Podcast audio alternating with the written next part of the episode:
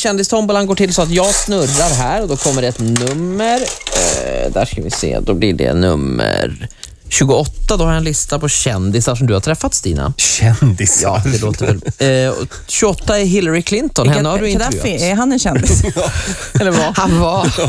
Ja, Gaddafi också. Men nu är det Hillary Clinton. Och du intervjuade henne, det var i samband med den här Monica Ja det, var, Lewinsky. ja, det var efter Monica Lewinsky-affären. Jag kommer ihåg att jag, hade, jag ägnade otroligt mycket tid åt att försöka hitta på en fråga som hon skulle svara på om, om det här med Monica Lewinsky. Och då hittade jag faktiskt en bra ingång, för då frågade jag om hon tyckte att det var bättre förr när presidenter liksom fick göra vad fan de ville, som Kennedy till exempel, som hade hur mycket älskarinnor som helst. Om det var bättre då eller om det var bättre nu när sånt här kom fram i ljuset. Och det var en bra ingång. Åh, vad, vad sa hon då?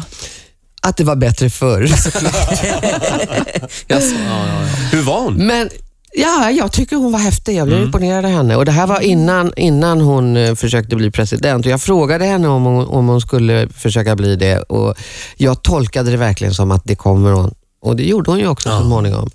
Och jag uppfattade det också som att hon faktiskt väl, verkligen älskade Bill Clinton. Mm. Men det vet jag ju inte. Nej, det kan man Nej, aldrig veta. nej. I så fall spelar hon bra. Ska vi ta ett namn till?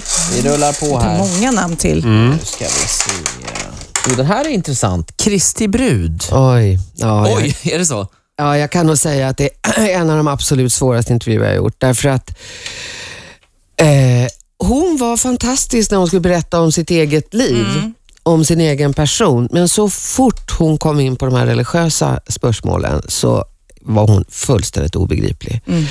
Så att eh, äh, det var jobbigt. Det, och jag tycker inte att jag fick svar på mina frågor. Hur jag, var hon obegriplig? Alltså, hon- fick hon Ja, någonting i ögonen? Ja, hon började eh, tala osammanhängande och det gick inte att hänga med helt enkelt. Jag, jag tyckte efteråt att det var väldigt uppenbart att hela den där, vad jag kallar för sekten, alltså att det var en slags, de- de hade, de hade gått in i, i, en gemensam tro som inte handlade så mycket om Gud utan om andra saker. Ja. De hade, de hade liksom avsagt sig världen och skaffat sig enkla svar på svåra frågor.